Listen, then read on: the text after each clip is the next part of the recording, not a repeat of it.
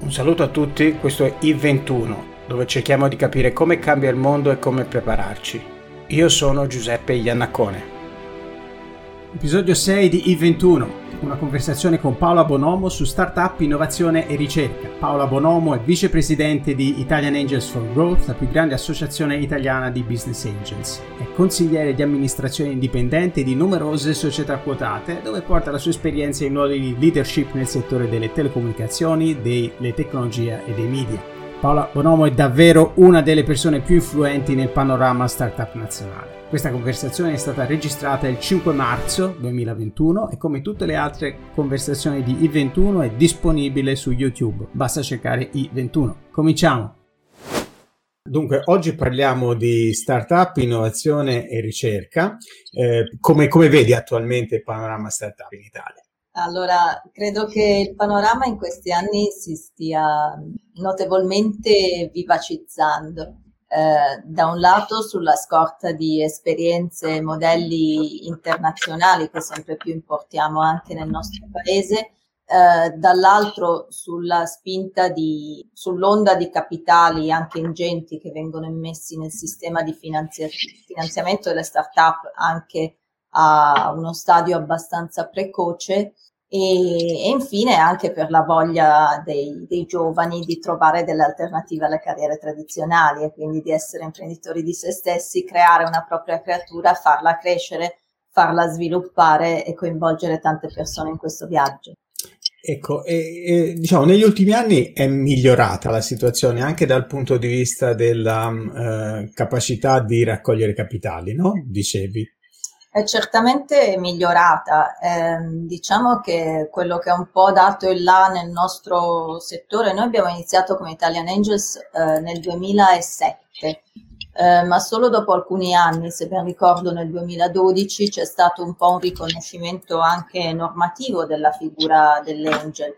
E molti di, di noi, ma anche dei venture capital in Italia, si ricordano di essere stati a, a Catron in H-Farm in un giorno di, di maggio 2012 appunto a parlare col ministro Passera che mostrava, che raccontava le agevolazioni per di avviare per le start-up innovative eh, e poi le PMI innovative e anche per i business angel e gli investitori in questo stadio. Eh, da lì è stato fatto, credo, molto eh, non è ovviamente stato fatto tutto quello che serve per arrivare a un ecosistema paragonabile con altri grandi sistemi europei o anche solo Israele, eh, però eh, credo che ci sia un'inerzia, diciamo, fondamentale in questo mercato, no? Finché non hai una storia di exit di successo che solo negli ultimi due o tre anni cominciamo a vedere, non parte il volano, no? Perché il volano si alimenta di imprenditori che hanno avuto successo e che magari fanno un'altra startup, investitori che hanno guadagnato e quindi reinvestono un ammontare moltiplicato all'interno dell'ecosistema e così via.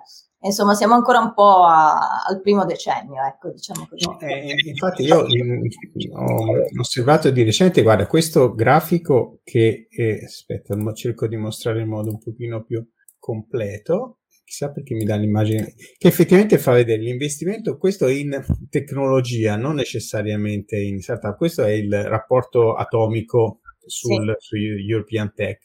E effettivamente eh, l'Italia nel, diciamo, eh, guardando il capitale investito negli ultimi cinque anni è, è um, molto indietro, eh, anche perché siamo uno dei maggiori paesi europei come prodotto nazionale lordo e tutto sommato invece siamo dietro come capitale rispetto a paesi oggettivamente più piccoli. Ehm, negli ultimi anni gli incentivi sono stati eh, significativi dal punto di vista eh, del, soprattutto degli incentivi fiscali. poi tu facevi riferimento al alla tradizione, al fatto che effettivamente abbiamo avuto poche exit di successo e questo è, un meccanismo che, che diciamo, mette in moto una valanga, no? Quindi piano piano sì, un volano, ecco come dicevi tu, che, che parte. E ci possono essere punti di debolezza invece più eh, legati al, a, ad aspetto, a un aspetto tecnologico oppure alle caratteristiche delle startup italiane o è veramente soltanto una questione culturale e finanziaria? Io ho questa tesi un po' controversa, no? che chi dice che in Italia non ci sono i capitali per fare impresa eh, prende un po' un granchio perché di capitali ce ne sono tantissimi e di capitali in cerca di ritorni potenzialmente elevati eh, anche con un certo grado di rischio ce ne sono. Eh, dal nostro piccolo osservatorio di Italian Angels vediamo che il collo di bottiglia tipicamente non sono mai capitali, sono i progetti di qualità e di sostanza in cui investire. E quindi sì, una parte, diciamo, del problema secondo noi è addebitabile al, così, alla mancanza di esperienza imprenditoriale che dei team pur magari innovativi sul fronte tecnologico si portano dietro un po' come, come tara originaria, no? O perché non si riesce a fare squadra tra un aspetto tecnologico e un aspetto più commerciale che ci vuole per sviluppare un business o per altri motivi. E, e, quindi insomma la nostra conclusione è che quando noi vediamo dei progetti convincenti i, i soldi da investire si trovano sempre. Dobbiamo però trovare questi progetti che, che valgano la pena. Ecco. No, ecco, io su, devo dire su questo aspetto sono molto d'accordo, è un, un, un aspetto che noto anch'io, cioè il fatto che effettivamente eh, diciamo, ci, ci, siano capitali che mh, richiedono di essere investiti e ci siano poche opportunità di investimento. No? E, e, questo sì, perché e, e, ehm, ecco, dal mio punto di vista, spesso è quello eh, per, per, dove sono nell'università di vedere diverse startup che hanno un'origine in qualche modo tecnologica le, legata alla ricerca scientifica o, e, e, vogliono dire, trasferire sul mercato, hanno un'idea di prodotto. E in quel caso lì ci si scontra molto con la mancanza di un'esperienza commerciale, di una conoscenza del mercato e secondo me anche un po' con la difficoltà nel reperire figure invece che hanno un'esperienza commerciale, una capacità e che sono disposte a, come dire, eh, scommettere su una startup o a, o, a, o a, mettersi in gioco in una startup, come dire, che magari ha poche, po, po, po, pochi mezzi. Diciamo, nei paesi dove questo problema c'è in modo minore, cosa c'è di diverso secondo te? Allora, ti, ti dico quello che, che, vedo io. Secondo me l'università italiana eh, deve fare più e meglio di quello che fa oggi in campo scientifico e tecnologico per trasformare le scoperte, le invenzioni, i brevetti in aziende. Ci manca un po' tutto il tessuto connettivo che per esempio in California lega l'Università di Stanford con la Silicon Valley, no? eh, le università italiane spesso sono molto brave nella ricerca di base, e poi magari un po' meno interessate alla ricerca applicata, che invece troviamo molto più in Svezia, negli Stati Uniti, in Israele e in altri posti. Eh, I professori, e qui generalizzo e parlando con un rappresentante della categoria ti prego non sì. male, eh, spesso sono determinanti nel formare le ambizioni dei nostri talenti scientifici, però è raro che nutrano interesse o curiosità verso il mondo della imprenditoria, perché tipicamente per il professore italiano esiste l'accademia e quello è, no? Eh, io ricordo qualche tempo fa come Stanford Club Italia invitammo a parlarci Alberto San Giovanni Vincentelli, che è un professore ormai molto senior dell'Università di Berkeley in California, che ci raccontava come la sua carriera accademica tra dottorato, docenza, poi la tenure, eccetera, si sia sviluppata com- completamente intervallata dalla creazione di start-up. Dice, senti, faccio un leave of absence, creo una compagnia, poi la quoto in borsa, poi torno in accademia, poi creo un'altra compagnia, poi la quoto in borsa, poi torno in accademia. No? E, e, e, questo un po' in Italia non, non c'è tanto questo tipo di professori, no? nel senso che se uno studente, magari un dottorando, ha un'intuizione che ha del potenziale commerciale, eh, il suo professore generalmente gli dice ma no, ma pubblica più paper, fai più ricerca, parla più conferenze, non metti in piedi un'azienda. Se lo studente in California va dal suo professore e dice guarda, ho questa idea, lui dice senti, ti investo i primi 50 mila dollari, li vuoi? No. Invece in Italia questo difficilmente si, si trova. E quindi credo che ci vorrà un grosso cambiamento culturale prima che le nostre università diano un contributo importante alla creazione di aziende. No, que- allora, allora io co- conosco Alberto San Giovanni Vicentelli, in realtà siamo proprio, proprio ne- nello stesso settore, diciamo, at, at large, e, e, effettivamente è un, è un bel esempio, un faro per, per molti, no, non è il professore standard, diciamo, neanche per, neanche per, per Berkeley. Eh, però effettivamente eh, capisco il punto. Devo dire che a volte, eh, eh voglio dire, ca- capita da, da, professore di eh, avere uno studente che magari ha un'idea del genere, però devo dire spesso dargli il consiglio mettiti in proprio, parti, è effettivamente, cioè uno un po', no, non è convinto di dargli un bel consiglio, ecco, per, questo è, perché chiaramente dipende molto dal, dal dalla capacità delle persone, poi è vero, forse c'è un aspetto culturale che dobbiamo superare. Ecco, io voglio dire, mi, mi metto, mi metto eh, però ecco, eh, mm, mm, secondo te veramente è soltanto, soprattutto questo aspetto culturale che è diverso, oppure... Opp- allora, ovviamente l'aspetto culturale non è mai disgiunto dalla, dalla struttura degli incentivi, no? Eh, Quindi certo. qual è il, il reward che c'è a restare in accademia rispetto al reward potenziale di lanciare un'azienda. È vero che fare impresa in Italia è magari più complicato, soprattutto nelle fasi iniziali, più difficile, più burocratico, bisogna sbattersi di più no? di quanto uno debba fare in altre giurisdizioni. Eh, però ecco, forse non è giustamente promossa l'opportunità anche dal punto di vista di autorealizzazione e di potenzialità di leadership che questa può diventare per i nostri talenti. Senz'altro, ecco, una piccola esperienza che, che, che, che posso portare. Ho visto che chi ha, quei pochi, perché effettivamente sono pochi, che finita l'università hanno deciso di partire in proprio, però, e devo dire sono maturati moltissimo, sia che la cosa sia andata bene, sia che la cosa sia andata meno bene, poi non va mai malissimo, nel caso peggiore poi comincia a lavorare per qualcuno, no? Però effettivamente sono cresciuti molto, molto più rapidamente che, che eh, come, come, dire, facendo un percorso più, più classico da, da, da, dipendente. Questo effettivamente è un effetto che, che si vede. Senti, dal tuo punto di vista, a livello nazionale, dove pensi che ci sia più fermento dal punto di vista proprio di, di start-up accademiche e dove vedi le cose più interessanti? Allora, guarda, ehm, le start-up sono sì accademiche, ma anche di persone che magari sono uscite dall'accademia da un, anche parecchio tempo, no? Sì. E hanno fatto eh, esperienza lavorativa in determinati contesti complessi e spesso risolvono dei problemi che sanno venire da quell'esperienza lavorativa, no? Ehm, credo che tipicamente al a chi eh, diciamo si affaccia eh, proprio al di fuori della, della, gabbia dorata dell'università sia chiaro un certo set di problemi che sono quelli del consumatore o quelli magari specifici della propria disciplina, eh, ma non tanto i problemi delle organizzazioni complesse che poi sono quelli che danno luogo ai prodotti che noi chiamiamo B2B. No?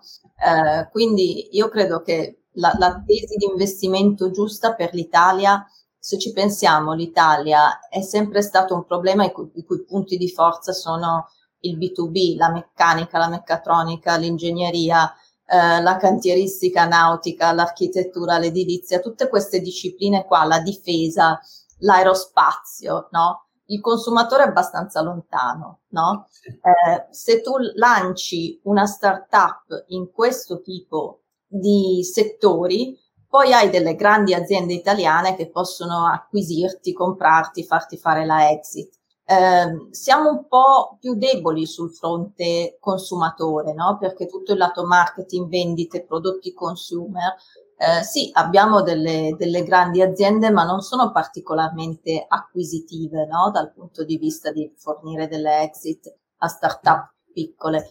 Eh, io ricordo quando studiavo in California, appunto negli anni 90, c'era un grande acquisitore che era la Cisco, Cisco Systems, eh, che nel giro di forse dieci anni ha fatto 150 acquisizioni, cioè ne faceva più di una al mese. E si è cresciuta eh, così soprattutto all'inizio. Credo che non solo in Italia, ma neanche in Europa non ci siano delle grandi corporate che fanno questo tipo di ritmo di, di M&A, no? Poi dopo Cisco è venuta Google, dopo Google sono venute altre, ma lì è abbastanza normale che la strada per la exit ci sia e la, questa strada che l'investitore anche early stage deve avere ben presente, io nel mercato italiano spesso la vedo più nei settori B2B che non nei, nei settori B2C. Eh sì, sì, effettivamente sì. No, stavo pensando che in, in Italia una, una, società che ultimamente sta facendo tante acquisizioni è Ferrero, era in un settore un po', un po particolare, però effettivamente sì. No, e, no, e sono d'accordo sul fatto che effettivamente il B2B è, ehm, è, è un settore che cioè un, è un tipo di, di, ambiente che richiede, eh, che valorizza molto persone che hanno una profonda conoscenza di quel business particolare. Ne aggiungo uno importantissimo per il sistema Italia che è tutto il mondo del, delle life sciences, no? che va dal medical devices fino al biotech, eh, dove abbiamo sia dei tessuti imprenditoriali molto vivaci, per esempio la Medical Valley intorno a Mirandola in Emilia Romagna, eh, sia qualche grande azienda insomma, che, che fornisce delle opportunità. E, e, quindi quando noi vediamo un business plan di life sciences riusciamo a proiettarci su chi lo acquisirà. Se vediamo un business plan nel mondo digital advertising, eh, bene, ma l'Italia non è la sua casa purtroppo, perché a livello globale non abbiamo da dire tutte le cose che invece abbiamo da dire nel campo delle scienze della vita. Ecco, eh, sì, ti, ti, faccio una domanda perché mi ha colpito questa cosa. Cioè, effettivamente, secondo te, comunque il, il, l'obiettivo principale di una, di, una, di una, startup deve cercare di essere, o è realistico che sia l'acquisizione parte, da parte di una società più grande? È, è, cioè, la, la, meccanica di questo qual è? Cioè, qual è secondo te il motivo per cui è quello il primario noi lo osserviamo, è, è così, no? guardando sta, la statistica si vede che l'uscita tipica è l'acquisizione, ma eh, qual è il meccanismo che, che, che, fa sì che così succeda? Ah, allora, fa sì che così succeda il fatto che l'opportunità della quotazione in una borsa, che sarebbe l'alternativa, eh, sicuramente si è ampliata in questi anni e in qualche modo facilitata eh, con dei mercati meno regolamentati ma eh, rimane un percorso lungo, accidentato ed estremamente costoso, no? Eh, per cui diciamo che è accessibile solo a delle aziende che non sono più start-up ma scale-up eh, e che poi spesso diciamo, se continuano a raccogliere capitali privati, spesso non hanno neanche un grande incentivo, diciamo, a eh, posizionarsi su un mercato regolamentato. Um, credo che in tutto il mondo sia così, no? Cioè poi certo. abbiamo, abbiamo, l'esempio di tante quotazioni di società israeliane al Nasdaq piuttosto che di società americane, ma anche lì i tempi si sono un po' allungati, no? Io ho lavorato per un periodo della mia vita in eBay, che fu una delle prime, diciamo, delle prime grosse piattaforme di e-commerce nel mondo. eBay si quotò eh, in borsa, credo, tre anni dopo la fondazione eh, adesso, tre anni dopo la fondazione, non si quota più nessuno. Poi raccolse poco anche eBay con, con, con, la quotazione in borsa rispetto a poi quel, ah, quello che è diventato. Erano altri tempi. Erano altri tempi. Altri tempi. Sì. No, è vero. Eh, ehm, dunque, un, io ritorno su un, un aspetto che eh, ho visto, hai eh, coperto in un'intervista recente eh, riguardo al al meccanismo per le eh, start-up tecnologiche, per le piccole imprese tecnologiche di, dei finanziamenti Horizon 2020, in particolare lo SME Instrument. E mi, mi ricordo sottolineavi il fatto che eh, eh, agisce come social proof nei confronti degli investitori, quindi richiama poi facilmente anche investimenti di tipo uh, venture capital o private equity. E, modo, sì Mm. che diciamo la startup che riesce a finanziarsi con questo tipo di strumenti ovviamente ha un'entrata di cassa che non eh, diluisce l'azionariato, quindi eh, i fondatori rimangono più facilmente in controllo del destino della società eh, e in più c'è questo aspetto appunto di avere una sorta di prevalidazione perché noi quando vediamo che una società ha ricevuto questo tipo di fondi lo consideriamo non diciamo un timbro di garanzia assoluta, ma almeno un segnale di qualità, no? Quindi lo leggiamo con un segnale importante. I contro invece sono poi eh, vabbè, tutta la burocrazia che conosciamo sia nella fase di presentazione della domanda sia nelle numerose fasi di rendicontazione. E quindi diciamo è sempre un po' un trade-off tra tempo che ci si deve dedicare e vantaggi che si possono ottenere dallo Stato. Sì, no, eh, però effettivamente è uno strumento potente, in realtà è molto molto ambito, no? perché poi arri- arrivano finanziamenti fino a 2 milioni e mezzo che per, per una eh, piccola impresa effettivamente ri- consentono di portare avanti in modo significativo lo, lo, la, la, parte di sviluppo. Ma ecco, se noi, mh, mm, ecco, secondo te, diciamo, volendo cercare di favorire eh, questa, mm, eh, la, la, nascita di nuove imprese dal punto di vista di una università, quindi ne, nella, nella, preparazione degli studenti e nel, oltre diciamo, a questo aspetto culturale, no? di far capire che è una strada interessante e che può essere di, di grande soddisfazione, ma proprio dal punto di vista delle capacità che, che, che di, di, cui dobbiamo dotare gli studenti. Cosa secondo te è più importante? Allora, credo che le nostre università siano generalmente molto buone nel dotare gli studenti di alcune competenze, eh, per esempio il pensiero critico, analitico, la capacità di risoluzione dei problemi e sempre più direi anche la capacità di lavorare in team. Um, però se andiamo a guardare il Future of Jobs Report del World Economic Forum, ci accorgiamo che queste non bastano. Il, il WEF ci dice che tra le competenze che saranno più richieste nel 2025, me le sono segnate, me le leggo, ci saranno anche creatività, originalità e spirito di iniziativa, eh, leadership e capacità di influenzare, eh, la resilienza, la tolleranza allo stress e la flessibilità pensa no, queste cose sono effettivamente una competenza, l'intelligenza emotiva, la capacità persuasiva e di negoziazione. Allora, non tutte queste sono coperte dal piano di studi, così come sono coperte eh, le discipline più analitiche, no? Quindi forse c'è da farci un pensiero su come, come dotare gli studenti anche di queste competenze. Ecco, eh sì, no, la resistenza allo stress secondo me è un po' la, la, la, diciamo, la alleniamo.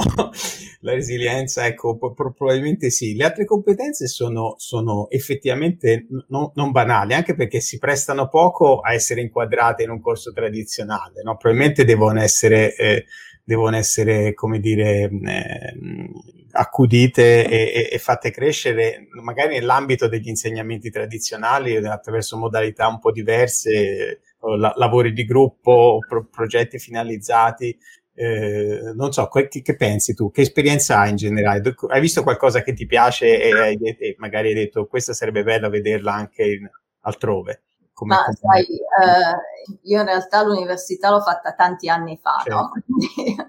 Ho anche poco, poca visibilità su che cosa succede oggi eh, all'interno appunto delle università. Vedo però per esempio nel Politecnico di Milano in alcuni laboratori no?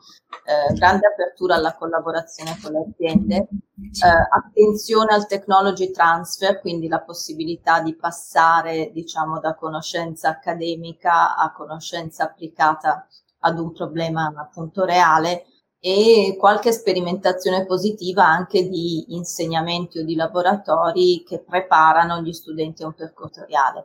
Quindi sono piccoli semi che stiamo piantando in questi anni e speriamo germoglino.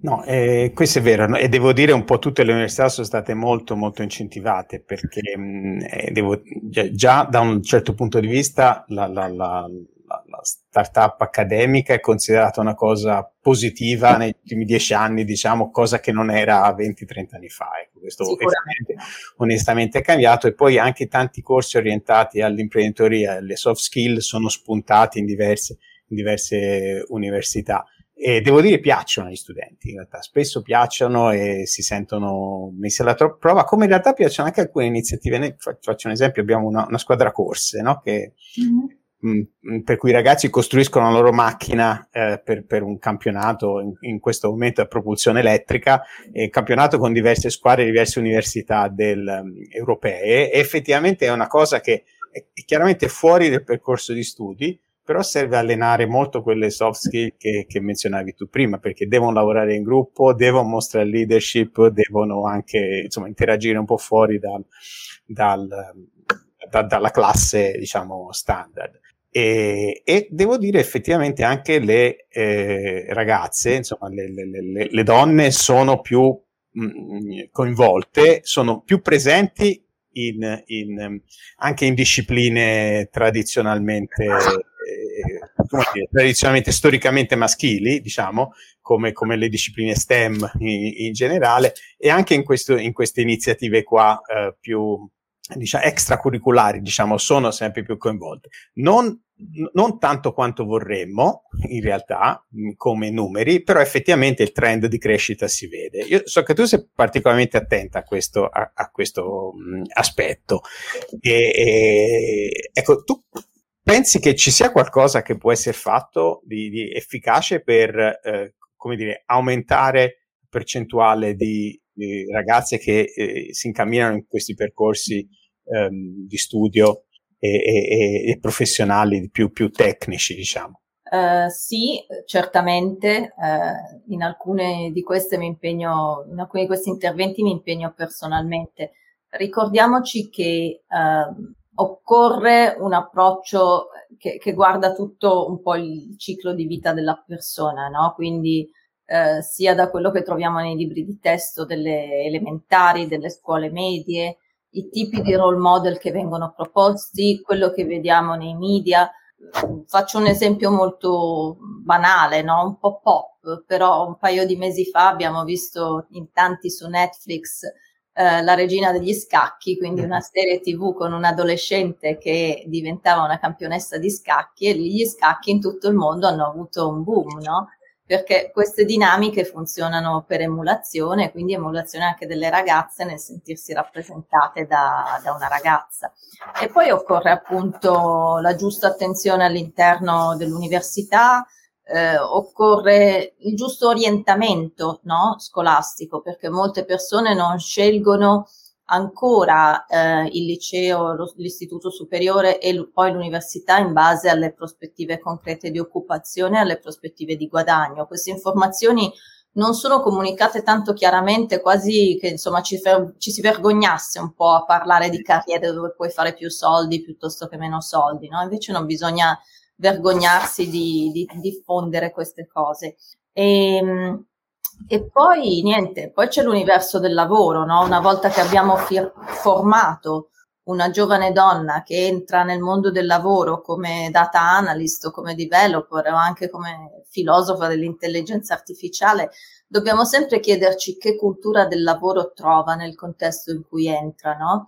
E io credo che per quello che vediamo in Italia, dal nostro punto di osservazione, eh, ci sono delle differenze molto profonde no? nel clima organizzativo e nell'ambiente di lavoro che si trova.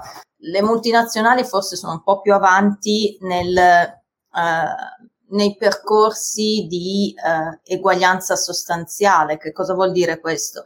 Che quando uno entra in questi ambienti, quando una entra in questi ambienti, tipicamente non trova eh, molestie, bullismo, nonnismo, mobbing e ambienti ostili, che poi tra l'altro ricordiamoci che se sono ostili alle donne sono anche ostili alle minoranze, no? Le donne non sono una minoranza, però eh, si trovano bersagliate da alcune delle stesse dinamiche. E, ehm, quindi, diciamo, le multinazionali sono quelle dove c'è più attenzione. Nelle family companies, nelle aziende più piccole sul territorio, a volte purtroppo ancora non troviamo queste garanzie di ambiente di lavoro sano, no? E invece dovrebbero essere la base per tutte le aziende, tutte le organizzazioni, tutto il terzo settore, tutto quello in cui una giovane donna può trovarsi a, a lavorare.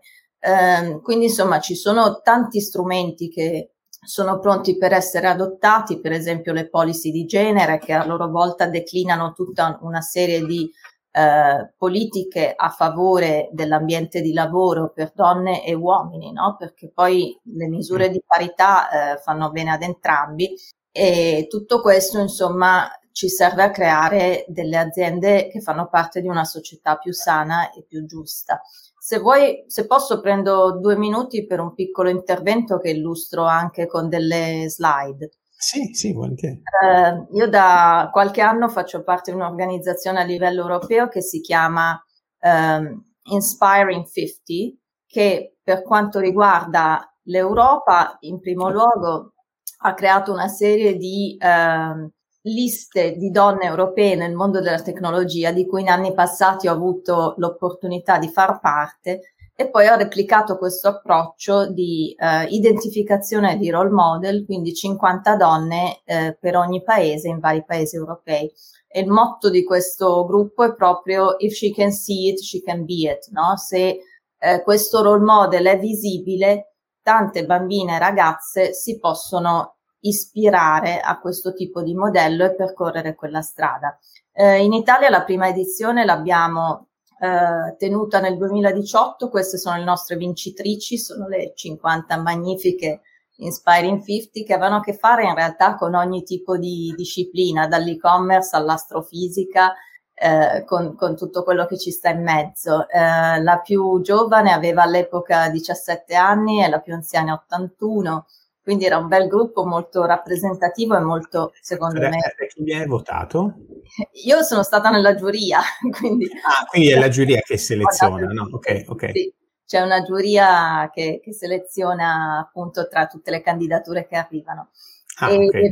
Abbiamo adesso la nuova edizione, quella 2021, a tre anni di distanza, che è aperta per le candidature. Quindi questo è il link a cui potete trovare appunto il modulo di eh, inserimento delle candidature e mi piacerebbe molto se chi è tra l'audience potesse pensare appunto a chi merita di essere in questa lista delle top 50 donne nella tecnologia italiana. Grazie. Quando, quando scade la candidatura?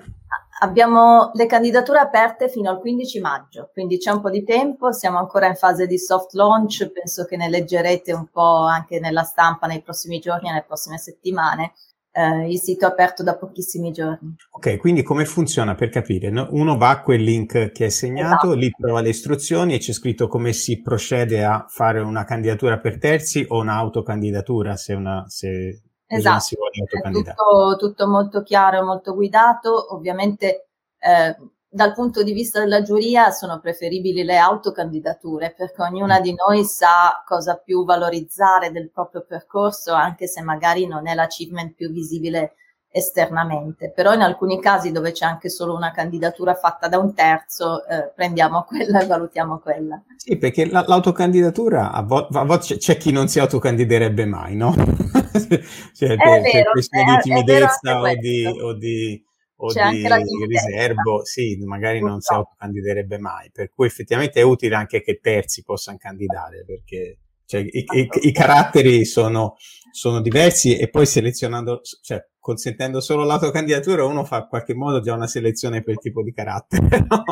in, qualche, in, qualche, in, qualche, modo ehm, d'accordo no, mo, ma, mo, molto interessante poi sono convinto che il role model sia effettivamente il primo passo poi soprattutto dal punto di vista che ti, che, che, che ti illustravo prima cioè come aumentare i ranghi di ragazze che vogliano seguire un percorso più, più, più, tecnico, per esempio, più tecnico-scientifico, per esempio, effettivamente eh, il role model è quello che tira di più. Poi dopo eh, ne, nel mondo di lavoro ci saranno degli altri scogli da superare, ma intanto devi arrivarci, no? Col, per il percorso, per il, col percorso professionale e, e, e, per esempio universitario giusto.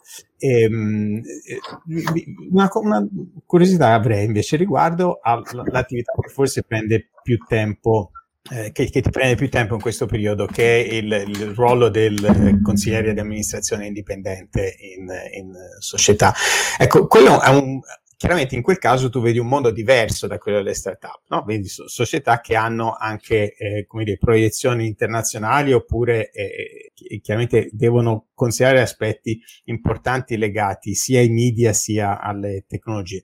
Che, che, ti sembra che stia succedendo in Italia da questo punto di vista? Cioè, queste società sono effettivamente ehm, hanno fatto dei progressi notevoli negli ultimi anni di, rispetto a eh, competitor eh, internazionali che vediamo. C'è ancora un po' di, di, di, lag che abbiamo, diciamo, a livello nazionale rispetto al resto del mondo su questi fronti. Che, che cosa vedi tu?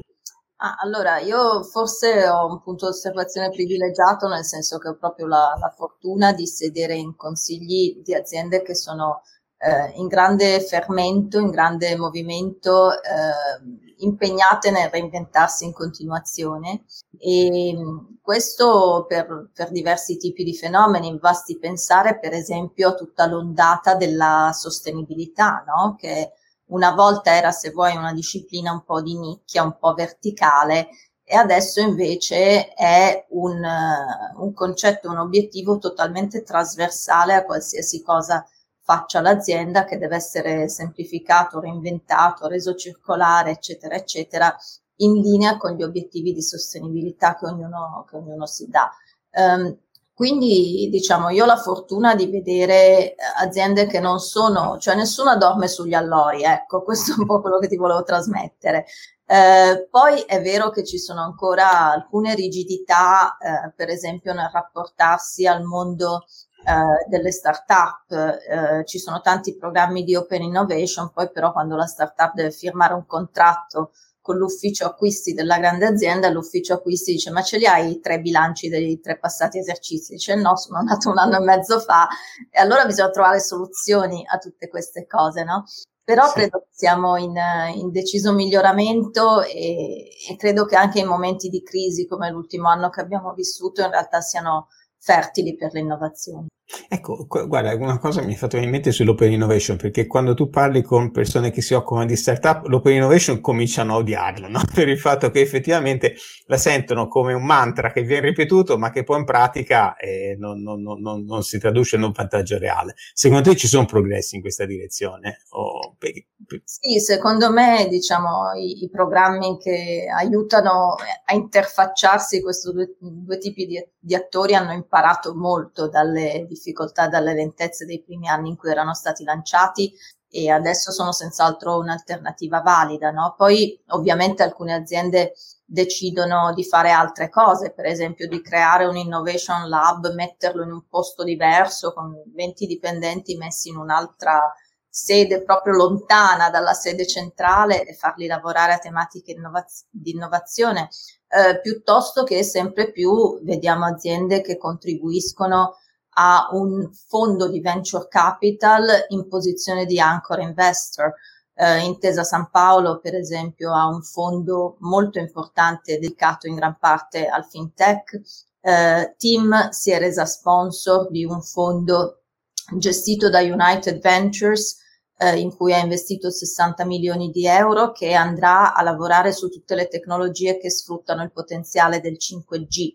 Quindi ecco, gli approcci all'innovazione possono andare dal appunto creo un, un dipartimento che eh, ha questa missione esplicita al dire faccio tutto in casa, faccio tutto con partner o faccio appunto l'anchor investor, quindi quello che mette la somma più grossa, la somma iniziale, in un fondo di venture capital che poi viene gestito completamente nell'ottica del venture capital. Eh, queste cose, insomma, cinque anni fa, secondo me in Italia c'erano ancora abbastanza poco, quindi sì, di movimento ce n'è. Quindi c'è, e c'è consapevolezza anche che l'innovazione è, è effettivamente importante e, e, come dici tu, non dormono sugli allori. Eh, questo, questo, ma no, questo... ma perché sarebbe antistorico, no? Mettersi di traverso, insomma, io credo che che nessuno nel mercato di oggi vive di rendita, tutti devono stare sul mercato e quando il consumatore finale o il cliente finale tira in una direzione è assurdo che tu ti metta a tirare nell'altra, no? Cioè sei, sei forzato ad innovare, non hai alternative. Senti, a, a proposito di trasformazione digitale, no? chiaramente è un, è, un, è un, tema che ti è, che, che, che ti è molto vicino. C'è stato negli ultimi anni un, anche un, un, insieme di politiche pubbliche no? per favorire la trasformazione digitale delle imprese che in, alcuni casi effettivamente ha funzionato bene, è stato snello come, come, come meccanismo. Eh, ecco, però probabilmente ha sortito effetti minori rispetto a quelli sperati. No? No, no, non so se tu ecco, hai, hai un eh, Guarda, suggerimento, un'opinione precisa. Non sono purtroppo un'esperta di politiche pubbliche, quindi non posso darti un'opinione sufficientemente informata su questo, su questo fronte. Ok, ma ecco, tu pensi che però, eh, no, ma giusto in, generale, eh, diciamo, non ci sono ostacoli particolari, diciamo, al, a, a, al fatto che un, un'impresa grande, media, diciamo, soprattutto di quel tipo, eh, possa effettivamente eh, investire nel, nella trasformazione digitale. Non, no, non, non, sono, non, sono, preoccupata di questo. Eh, se me l'avessi chiesto dieci anni fa ti avrei detto ci sono ancora in giro troppe poche competenze. Adesso penso che le competenze si siano formate, siano disponibili sul mercato, siano pronte a messe, essere messe all'opera. Piuttosto ehm, porterei la questione ad un livello un po' più alto, che è quello del sistema Italia, cioè che cosa ci manca perché eh, anche gli investitori esteri riconoscano l'innovazione che c'è in Italia e vengano a eh, portare capitali da fuori. Eh, e qui abbiamo un po' sempre le nostre storiche eh, bisacce che ci, ci appesantiscono il percorso, che sono il sistema della giustizia civile in particolare, il sistema burocratico, tutte, tutti, tutte, tutte, tutte le tematiche che conosciamo, ma che fanno parte del sistema paese e che anche per una eh, superstar come Mario Draghi nel poco tempo che ha a disposizione eh, sarà difficile riformare fino in fondo. Facciamo tutti ovviamente il tifo perché si faccia il più possibile. E, e va bene, quindi tu dici c'è que- questo carattere che è difficile da modificare, però a parte questo non ci sono ostacoli reali. Comunque, una, diciamo, complessivamente è una, è, una, è una, notizia positiva, direi. Ora, è vero che purtroppo non è, non è eh, sai, la riforma della giustizia civile e la, la, la, diciamo, la riduzione della burocrazia sono dei, de, degli obiettivi che sono sempre presenti, sono sempre a, a, alla stessa distanza, insomma, non ci avviciniamo mai per davvero e, e non, non, sono cose di poco conto. Però ecco, è, allo stesso tempo è importante vedere che effettivamente ostacoli di altra natura eh, probabilmente non, non ci sono. Eh, d'accordo, noi io credo che abbi- eh, abbiamo toccato molti dei punti che... che Mi fai raccontare due cose su Italian Angels? Sì, volentieri, volentieri. Questa è una cosa che mh, eh, accennavo prima. Tu sei vicepresidente di Italian Angels for Growth, che è la, la, la, più grande associazione di, di Angel Investor. E, ehm, ora noi diamo per scontato che tutti sappiano cos'è un angel investor. No, ma adesso lo spieghiamo un po' meglio, lo spieghiamo un po' meglio. Allora, ehm, un business angel è una persona eh, che investe in iniziative imprenditoriali ad uno stadio eh, iniziale o ancora poco avanzato. Eh, il modo più facile per diventare business angel è quello di far parte appunto di un angel group, cioè di un'associazione di persone che si mettono insieme per farlo insieme, imparando l'una dall'altra e eh, investendo insieme nelle opportunità che ritengono interessanti. Eh, il nostro gruppo in particolare ha, ha più di 200 soci, ehm, ha fatto un, un, volume di investimenti nei suoi 13 anni di attività eh, che appunto supera i 35 milioni di euro e a, vol- a sua volta ha scatenato diciamo, l'opportunità di raccogliere per le start-up che hanno raccolto da noi ulteriori 250 milioni di euro eh, e quindi insomma ci ha creato un, un, portafoglio a cui continuamente aggiungiamo nuove imprese in cui investiamo. Noi siamo manager, imprenditori, consulenti, eh, professionisti che vengono appunto dai background più vari, no? la, la, provenienza di settore eh, che vedete in questa slide copre dalla consulenza alle telecomunicazioni, ai beni industriali, a, a retail, alla finanza e quindi diciamo che quando ci arriva davanti una, una startup all'interno dei nostri 200 erotti soci abbiamo più o meno quasi sempre qualcuno che la può valutare. Eh, quindi quello che facciamo appunto è la ricerca di opportunità di investimento per i soci, il supporto alla crescita delle startup in portafoglio, la collaborazione anche con le aziende che sono nostri soci corporate e poi cerchiamo appunto di fare cultura del venture capital nel nostro paese. E quindi insomma spero che chi vuole saperne di più eh, abbia piacere di mettersi in contatto con noi.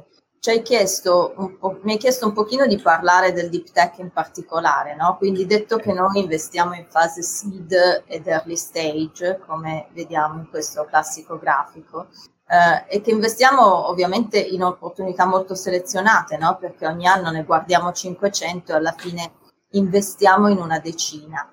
Um, il nostro settore più grande appunto è quello delle scienze della vita, come accennavo, poi abbiamo un grosso blocco di digital, un po' di deep tech e un po' di fintech, questi due li stiamo cercando di, di rafforzare. Eh, mi hai chiesto, ci sono degli esempi di startup che sono nate come spin-off universitarie, no? E quindi volevo portarne due. Eh, la prima è Gipstack che si occupa di tracking e localizzazione indoor, cioè in tutti i posti dove non arriva il segnale GPS e dove però tuttavia tu hai, eh, puoi avere bisogno di localizzare persone e oggetti in maniera estremamente precisa. E questa startup parte dall'Università della Calabria, diventa spin-off universitario in base all'intuizione tecnologica, quello che il campo geomagnetico può aiutare a localizzare con precisione eh, oggetti e persone all'interno di una, di una struttura quindi integrata con le tecnologie più tradizionali di locazione indoor, localizzazione indoor, questa tecnologia si applica agli aeroporti, ai mall, alle fiere, ai campus, ai parcheggi, agli ospedali.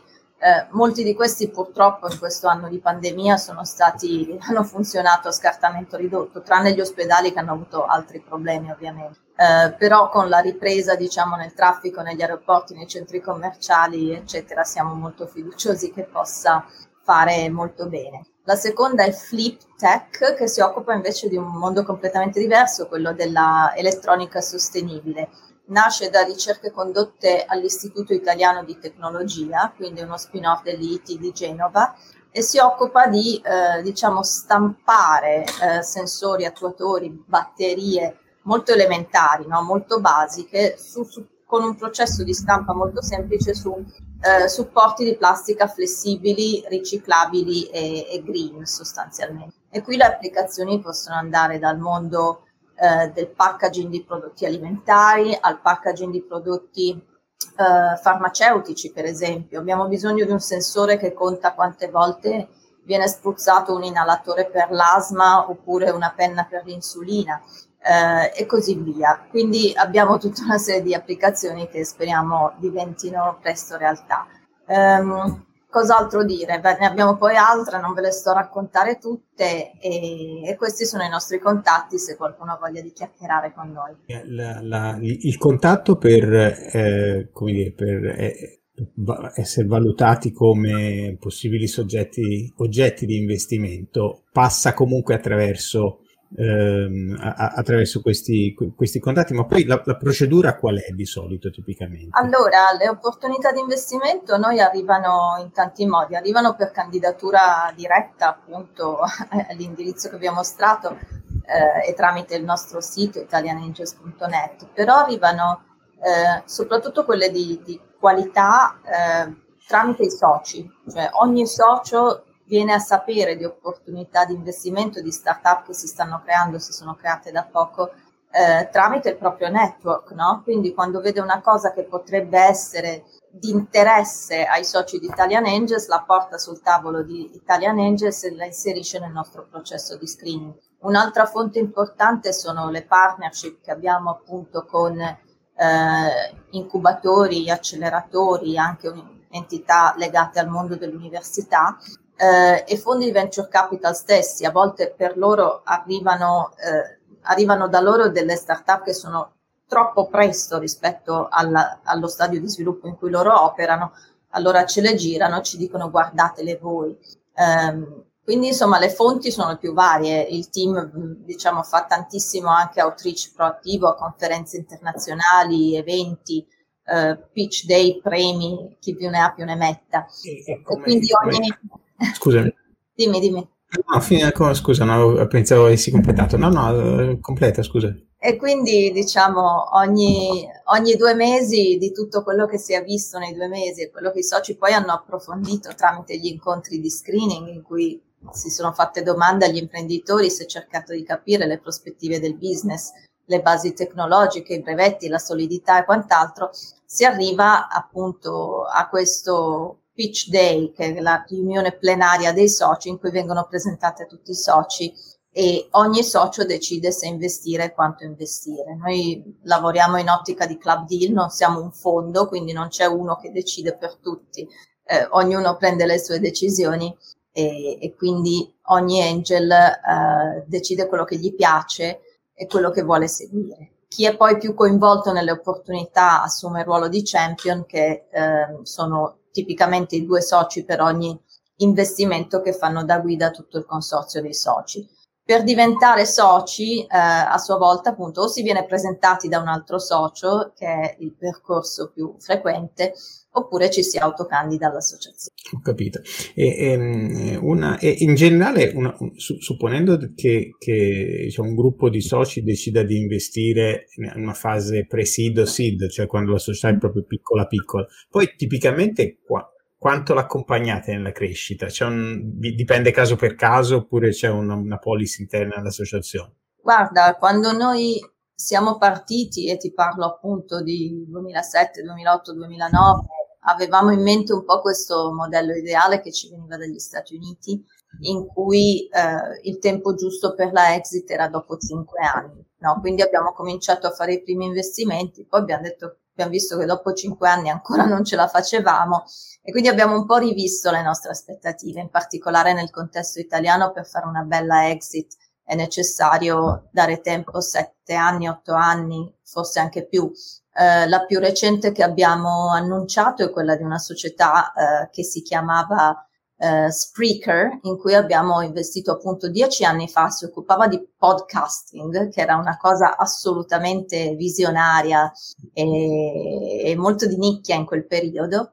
Eh, si è poi fusa con un'altra società che si chiamava uh, iHeartMedia e poi appunto sono stati di, di recente acquisiti.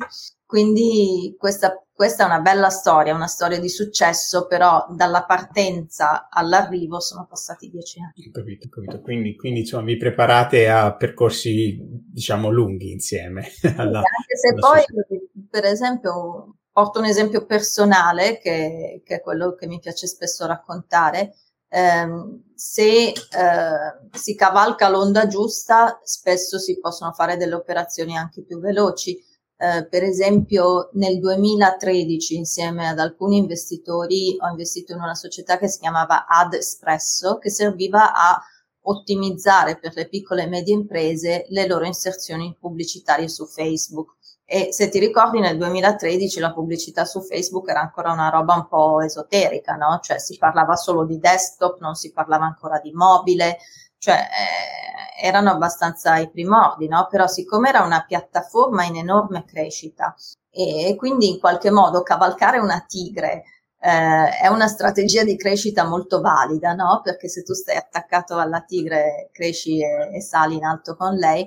Eh, da questa società appunto siamo riusciti a realizzare l'exit in soli tre anni perché poi alla fine del 2016 è stata ceduta ad un player canadese che si chiama Hootsuite e quindi eh, è stato se vuoi una best practice dal punto, da questo punto di vista appunto di eh, capacità di, di, di, giungere rapidamente a un exit di soddisfazione. E, e, scusami, se, se, partecipate come gruppo di investitori a, a, all'inizio, poi seguite anche gli investimenti successivi, cioè a, partecipate anche agli aumenti di capitale successivi o vi mantenete il vostro ruolo diciamo, iniziale da, da No, allora, ehm, spesso, spesso, capita che facciamo quelli che sono noti come follow on, ovvero investimenti, partecipiamo insomma agli investimenti successivi. Um, ci piace però ovviamente che ci sia un investitore istituzionale come ad esempio un fondo di venture capital eh, a guidare i round che siano Series A, Series B appunto successivi e noi diciamo cerchiamo di eh, investire nel pro quota che ci spetta nell'operazione per mantenere una rappresentanza nell'azionariato della società in linea con l'investimento che abbiamo fatto. Eh, poi attenzione che non sempre fare round successivi è indice di successo, no? Perché ci sono stati casi in cui abbiamo investito perché la società magari altrimenti non riusciva ad andare avanti e poi dopo due anni reinvesti perché altrimenti non va avanti. E allora quello non è una cosa che va bene, no? Adesso ci stiamo molto più attenti. Però insomma è tutta esperienza che si fa col, col lavoro di Angel e col, contatto quotidiano con la realtà. No, va bene, no, è chiaro. D'accordo. Dunque, io volevo vedere se c'era qualche domanda dal pubblico che però non vedo in questo momento. Quindi allora continuiamo a chiacchierare. Continuiamo, possiamo benissimo, possiamo... Tu eh, avevi una domanda sugli errori tipici da non fare nelle startup di Sì, ne abbiamo parlato, certo, no, eh, eh, esatto. Dimmi, dimmi che cosa Che, qu- quali pensi che siano gli errori tipici che, che, che, che ci affliggono no? in generale come, come sia come, come diciamo, promotori startup accademiche sia non accademici in generale, ecco, però effettivamente tu penso ne veda tanti, quindi li riconosci al volo, immagino. Ah, io, eh, diciamo, la caratteristica che più mi, mi smonta l'entusiasmo quando la vedo eh, è quando vedo dei fondatori di una startup che sono innamorati della loro soluzione senza pensare troppo al problema che la soluzione risolve, no? Allora, le aziende di successo, eh, 99% dei casi nascono perché risolvono un problema, no? Se tu hai quella che io chiamo solution in search of a problem, cioè una tecnologia che magari potenzialmente può fare delle cose bellissime, però non si capisce bene qual è l'applicazione dove può fare, far fare un salto di qualità eh, o dove riduce i costi o riduce i tempi o migliora la qualità. Se, se non ci sono queste caratteristiche di breakthrough misurato su, su quello che poi va sul mercato, e allora rimane un po' una soluzione che cerca il problema e questo a mio parere non va bene. Eh, l'altra difficoltà è che abbiamo spesso la possibilità di vedere delle tecnologie estremamente orizzontali e una ehm, insufficiente focus nel verticalizzarle. No? Faccio un esempio, ci sono tantissime startup in questo momento che eh, operano nel campo del machine learning e propongono modelli sofisticati che in teoria si possono applicare a tantissimi tipi di problemi, no? Però il problema non è, cioè, dirmi che si applica a tante cose, il problema è dirmi io risolvo il tema della manutenzione predittiva negli impianti petrolchimici, cioè quello è un problema che tu mi risolvi e su cui puoi costruire un'azienda, no? La tecnologia in sé per sé, eh, finché rimane orizzontale, difficilmente eh, si trova ad essere alla, alla, base di una startup di successo. Um, e poi il terzo errore, se vuoi, è appunto non, non porsi il problema di go to market, no? Uno startup che viene dall'ambito scientifico e tecnologico deve avere l'intuizione, se vogliamo anche l'umiltà, di circondarsi da subito di persone che possono aiutarlo a fare questo salto verso il mercato. No? Se per esempio la tua tecnologia si vende attraverso il system integrator, tu dovrai avere dei legami con il mondo dei system integrator, quindi che sia il tuo co-founder, che sia il capo vendite che porti a casa l'anno dopo, che sia il tuo advisor, che sia quant'altro, però quella è una competenza fondamentale che devi. No, ecco, effettivamente il, il, problema del go-to-market, del, del, canale di vendita in generale è, è specialmente è un, problema che una persona tecnica all'inizio non si pone, tradizionalmente si concentra, come dicevi tu, sulla soluzione tecnologica, ma poi il percorso è lungo ed è, ed è difficile. E io eh, all'inizio della nostra conversazione appunto citavo una cosa che era legata a questo, a questo aspetto e il fatto che poi però diciamo trovare persone capaci di di, di, aiutarti nel go to market quando sei un'impresa relativamente piccola non è banale eh, perché eh, chiaramente il, come si dice spesso, insomma, il venditore bravo è già impegnato, non ha, non ha eh, sì, per, ed, ed c'è anche in aggiunta c'è anche il problema che effettivamente a volte la formazione eh, universitaria o scolastica in generale non aiuta da questo punto di vista, perché uno, uno tipicamente questi, questi canali non li conosce. Eh, sì.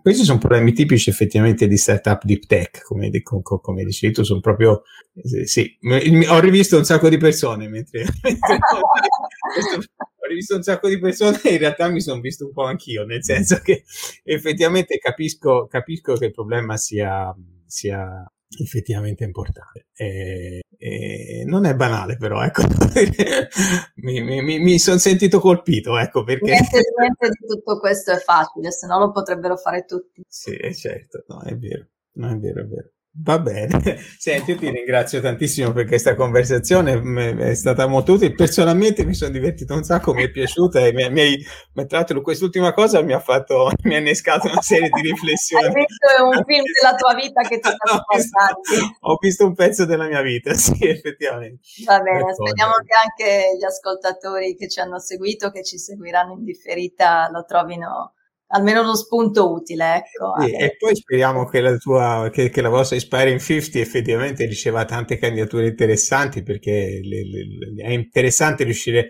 è importante avere modelli di, di, di, di donne che eh, riescono a, a diciamo, percorrere una strada professionalmente di, di successo anche in ambienti eh, tecnici, scientifici, insomma in generale imprenditoriali. Quindi quella è una cosa che eh, io cercherò di mettere il link sotto nel, nel, nei, nei, commenti in modo che poi sia visibile a tutti e sia facile da cliccare poi per chi, per chi vuole.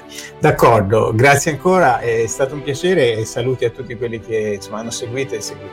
Va bene, è stato un piacere anche da parte mia e eh, appunto bocca al lupo, buon lavoro e prima o poi ci vaccineremo e ci vedremo anche di persona. ciao, ciao, buona serata.